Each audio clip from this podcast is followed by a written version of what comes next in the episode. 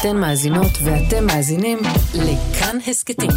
כאן הסכתים, הפודקאסטים של תאגיד השידור הישראלי. היסטוריה לילדים עם יובל מלכי.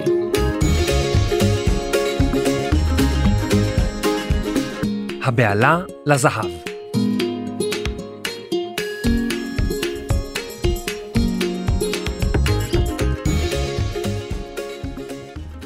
שלום ילדים.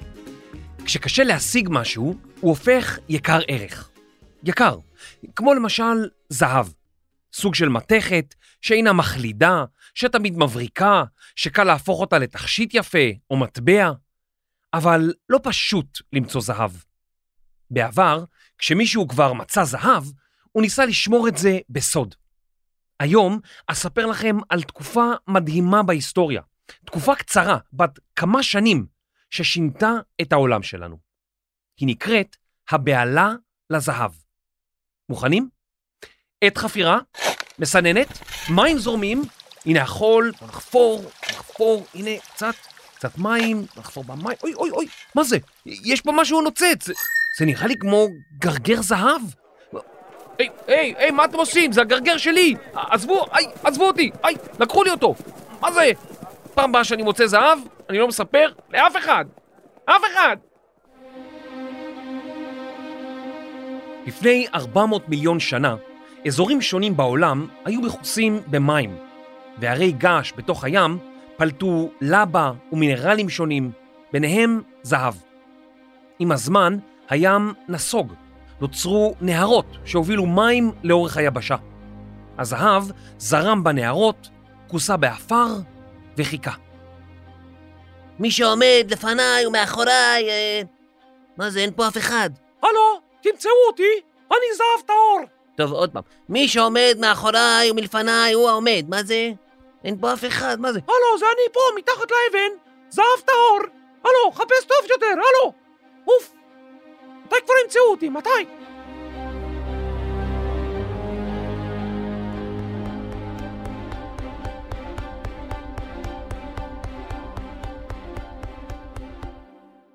לפני הקמתה של ארצות הברית, נבנו באזור החוף המערבי של יבשת אמריקה מושבות ספרדיות קטנות, אבל מעט מאוד אנשים התגוררו בהם.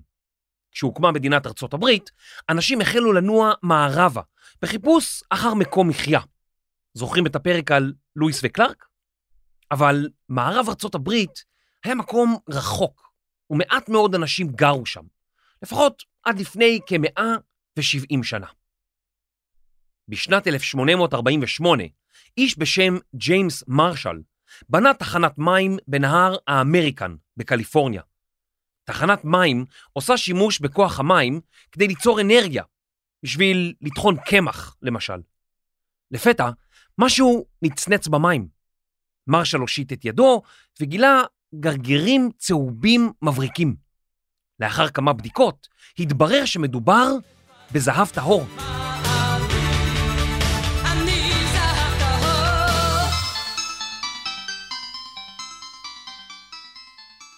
שיא אימן, ששש, אל תגלי, יבואו לכאן המון אנשים, ששש. מרשל רצה לשמור על המציאה שלו בסוד, אבל תוך כמה ימים הגיעה הידיעה לעיתונים מקומיים, והמרוץ לזהב, The Gold Rush, או בעברית, הבהלה לזהב, החלה.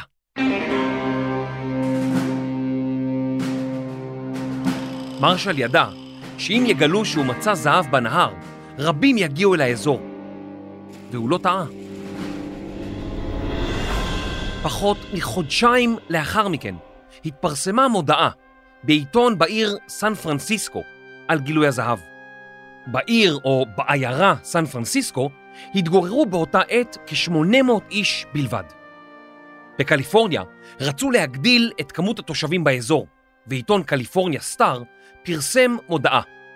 ארץ רחבה, אקלים טוב, בקרו בעמק הגדול.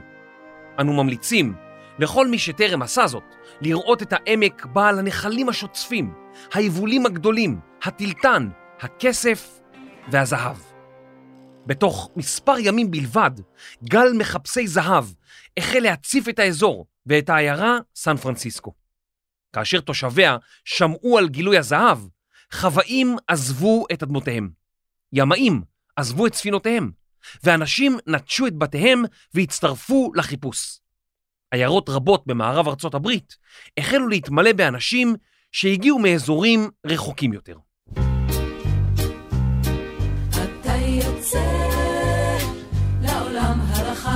אתה מביט, והכל בו זהב, אתה יושב מול הים, ונשזף ומתחמם בקרני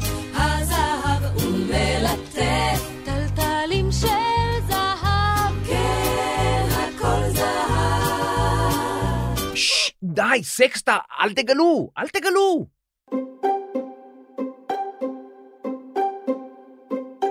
כאשר החלה הבהלה לזהב, רק כמה מאות קוראים, בעיקר אנשי קליפורניה, העבירו את זמנם בחיפוש זהב. אבל בכמה חודשים ספורים הגיע מספרם לעשרת אלפים. אנשים מכל המעמדות ומכל המקצועות הצטרפו אל קוראי הזהב. חיילים משוחררים, חוואים, פקידים, רופאים, פוליטיקאים ואפילו עורכי דין. ואז החלו אנשים מחוץ לקליפורניה להגיע למערב ארצות הברית ולהתחיל לחפש זהב. אנשים הגיעו לאזור ממדינות שכנות, מהוואי, מדרום ומרכז אמריקה, מאוסטרליה ומיבשת אסיה. כל המהגרים שהגיעו בשנה שבה התגלה הזהב נקראו ה-48ers, על שם השנה, 48, 48. הכוונה היא ל-1848. וכיוון שהם היו הראשונים להתנפל על הזהב, הם השיגו המון ממנו והתעשרו. באותה התקופה, קליפורניה עדיין לא הוכרזה רשמית כמדינה בארצות הברית, ולא היו לה בתי משפט, שופטים, שוטרים, ולא היה מי שיפקח על הגעתם של מחפשי הזהב. או, איזה כיף שאין פה שוטרים ושופטים וכל הבלאגן הזה. או, נכון מאוד, וגם לא צריך לשלם מיסים, כסף לממשלה. אני מוצא את הזהב, אני מוכר אותו, אני מחזיק את הכסף. או, בטח, זה רעיון מעולה. טוב, אני צריך להתחיל לחפש זהב.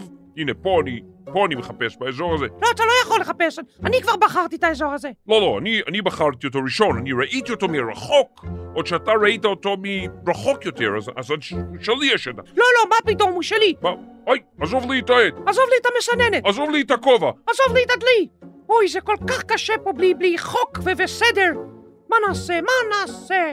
צודק, מה נעשה באמת? תלך לשם אתה. לא, אתה תלך, אתה תלך. אתה תלך. הוא ילך, אני אלך.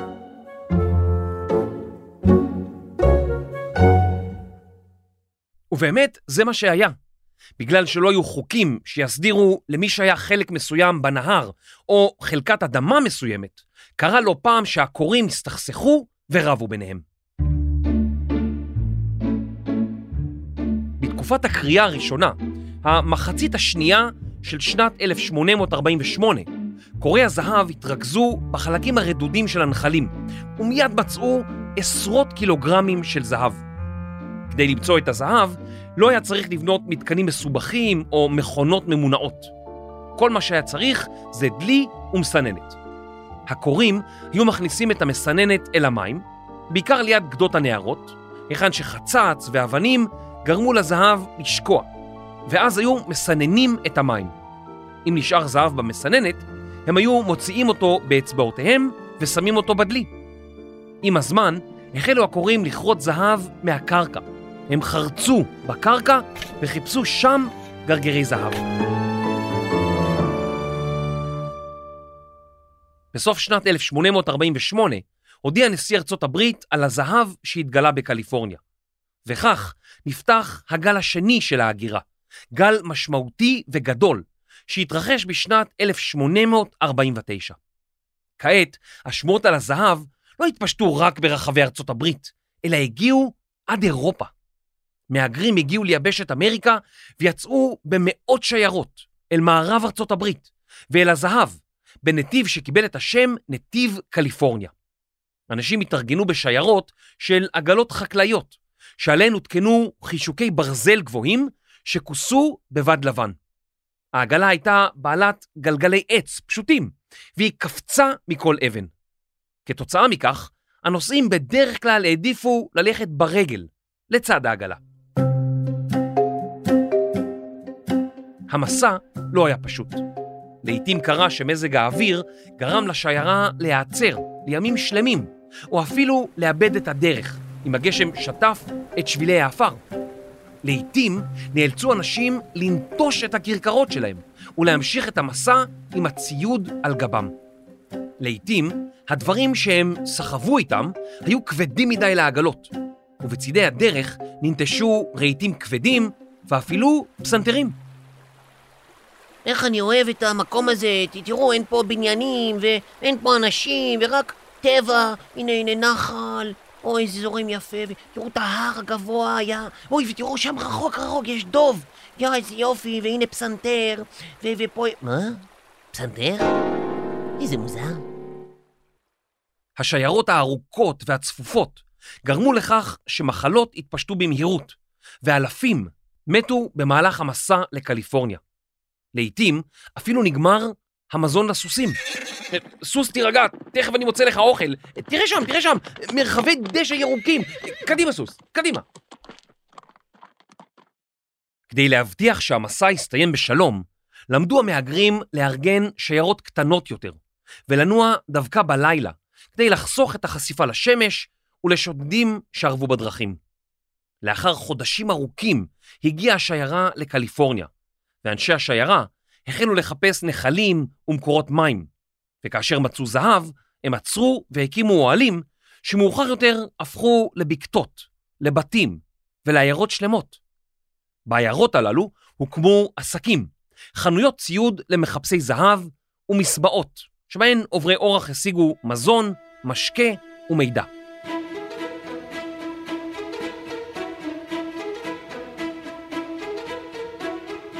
העיירה סן פרנסיסקו הלכה וגדלה. תושבי העיר החדשים פתחו חנויות ומסעדות, סניפי דואר, בתי מרקחת וחנויות לממכר ציוד כללי. בתוך שבע שנים הפכה העיירה הקטנה לעיר משגשגת, בעלת יותר מ-50 אלף תושבים. אבל זה לא היה פשוט כל כך. כאשר החל גל ההגירה להציף את העיר, לא היה מקום לשכן בו את כל הקוראים, וכך קרה שלעיתים בחדר אחד ישנו 20 אנשים. בתים הושכרו גם הם במחירים גבוהים, והרחובות הוצפו באנשים. לעיתים מלאכים שהגיעו לעיר נטשו את הספינות שלהם, והפכו גם הם לקורי זהב. כך קרה שנמל סן פרנסיסקו התמלא במאות ספינות נטושות. אנשי העיר פירקו את הספינות שהיו עשויות מעץ, והחלו לבנות בעזרתם מחסנים, חנויות, מלונות ואפילו כלא. למעשה, העיר סן פרנסיסקו נבנתה בתחילה בעיקר מספינות שננטשו בה.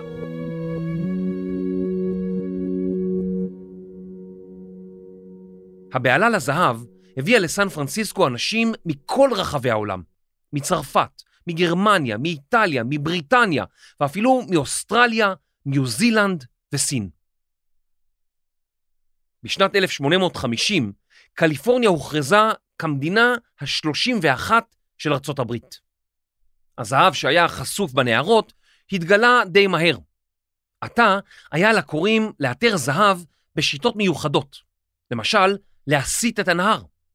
אם גורמים לנהר לזרום דרך תעלה, אז אפשר לחפש זהב בקרקעית שלו שהפכה רדודה. באותו הזמן, הממשלה החלה להטיל מיסים על גילוי זהב, ולפתע היה משתלם יותר לפתוח עסק, כמו מלון או מסעדה. רבים מהמהגרים שהגיעו לקליפורניה כדי לכרות זהב, נטשו את מלאכת הקריאה ופתחו עסק משל עצמם. לא הכל היה נוצץ בבהלה לזהב. הבנתם? נוצץ? זהב? כן. כאשר הגיעו המהגרים לקליפורניה, הם גילו כי במקומות מסוימים מתגוררים שבטים אינדיאנים. הקוראים גירשו את האינדיאנים המקומיים אל מחוץ לשטחי המחיה שלהם.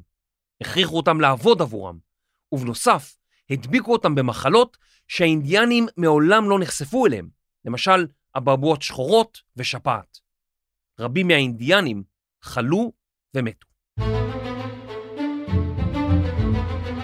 בשנת 1851 נמצא זהב בצפון קליפורניה, ומחפשי הזהב החלו ליישב את המחוזות הצפוניים של המדינה.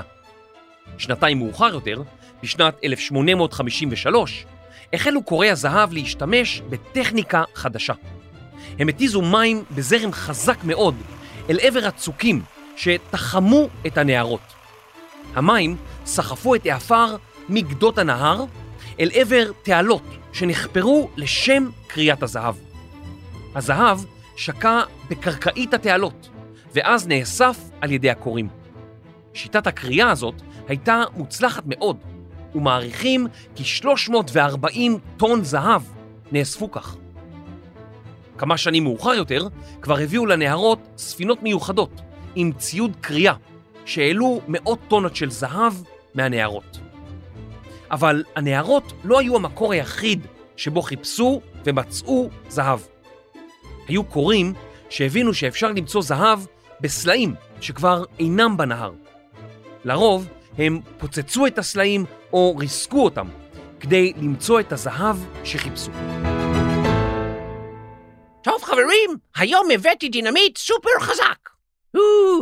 נשים אותו כאן בסלע. כולם להתרחק. פיצוץ! איי, נפל לי סלע על הרגל. אוי, הצילו, זה כואב כל כך. סלע שלם על הרגל שלי. אאו, אאו, אני, אני לא יכול לעשות כלום, זה כל כך כואב. אוי, אוי, תראו, בסלע של הרגל שלי יש משהו נוצץ.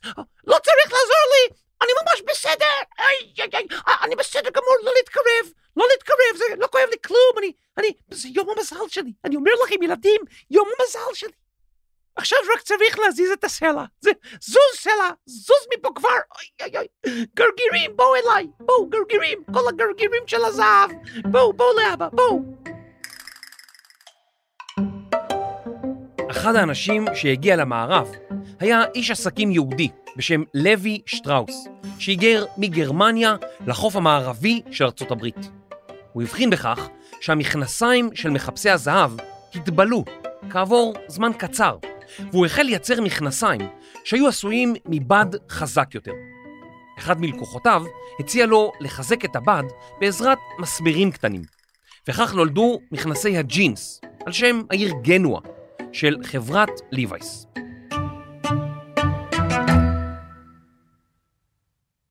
באותם שנים של הבהלה לזהב, באוסטרליה, אדם בשם אדוארד הרגרייבס חשב שאם זהב נמצא בקליפורניה, אולי יש זהב גם באוסטרליה. הוא החל לחפש, ואכן מצא זהב. הדבר הביא לזרם של מהגרים לאוסטרליה, שרצו גם הם למצוא זהב ולהתעשר. אם בשנת 1851 התגוררו באוסטרליה כ-400 אלף איש, 20 שנה מאוחר יותר כבר התגוררו בה מיליון ושבע מאות אלף איש. פי ארבע, תוך 20 שנה. הדרך לקליפורניה עברה במדינות במערב ארצות הברית, בקנזס, נברסקה, ויומינג ואחרות. שם הסתובבו שודדי דרכים רבים ופורעי חוק. האזור כונה המערב הפרוע, מקום שבו אנשים לא הקפידו לשמור על החוק, שתו לשוכרה וניהלו דו-קרב ביריות אקדח. עם הזמן, תעשיית הסרטים בהוליווד יצרה סרטים על התקופה, שנקראו מערבונים, מהמילה מערב. הם הציגו סיפורים בהם הופיעו קאבויים, אינדיאנים, שריף העיירה, הצ'יף האינדיאני, פורעי החוק, מוזג המשקאות, ועוד כל מיני דמויות צבעוניות. אני חושב שאספר על המערב הפרוע בפרק נפרד, אולי בעונה הבאה.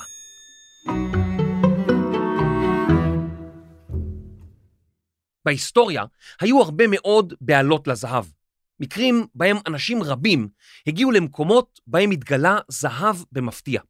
זה קרה בניו זילנד, ברזיל, אלסקה, צ'ילה, דרום אפריקה, סיביר, ובשנת 1896 בקנדה. על בעלת הזהב הזו עשה צ'רלי צ'פלין את סרטו הבעלה לזהב.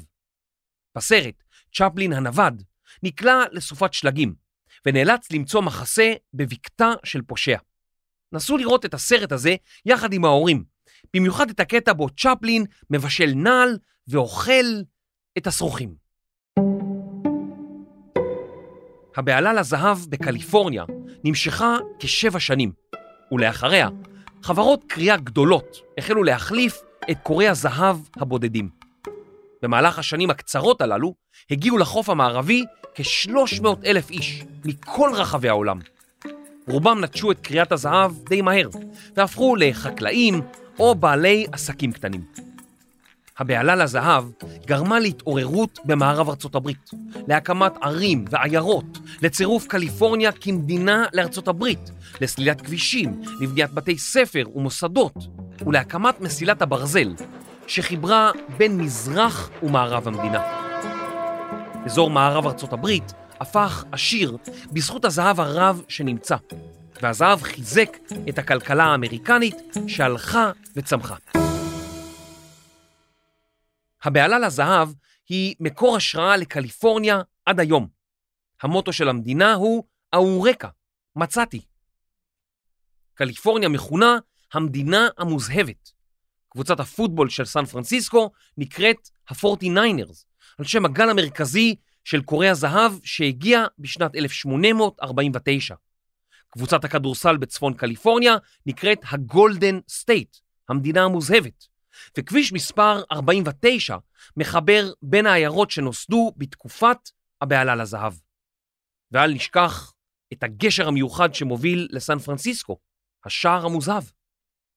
אז אם יום אחד תטיילו בחוף המערבי בארצות הברית, ובמקרה תיתקלו בגרגר זהב, עשו טובה, ספרו רק לי, כי אתם יודעים מה קורה אם מספרים לכולם שמצאנו זהב.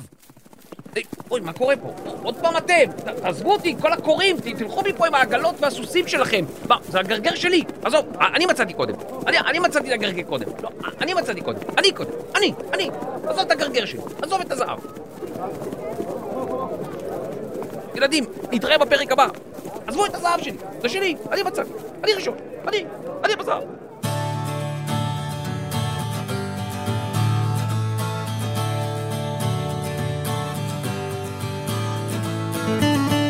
מחקר, כתיבה, עריכת לשון ומחפשת זהב בחרמון, דינה בר מנחם. עריכה, קריינות ושריף מתלמד. אוי, סליחה, פגעתי במכל מים, המים נוזלים, סליחה. אני... יובל מלכי. עריכת סאונד, מיקס, ונוהגת בעגלה בנתיב קליפורניה. זהירות מהפסנתר. רחל רפאלי. הפקה והאנשים שעדיין מחפשים את הספינות שלהם בנמל סן פרנסיסקו. ניר גורלי, טל ניסן ורני שחר. אני יובל מלכי, היסטוריה לילדים.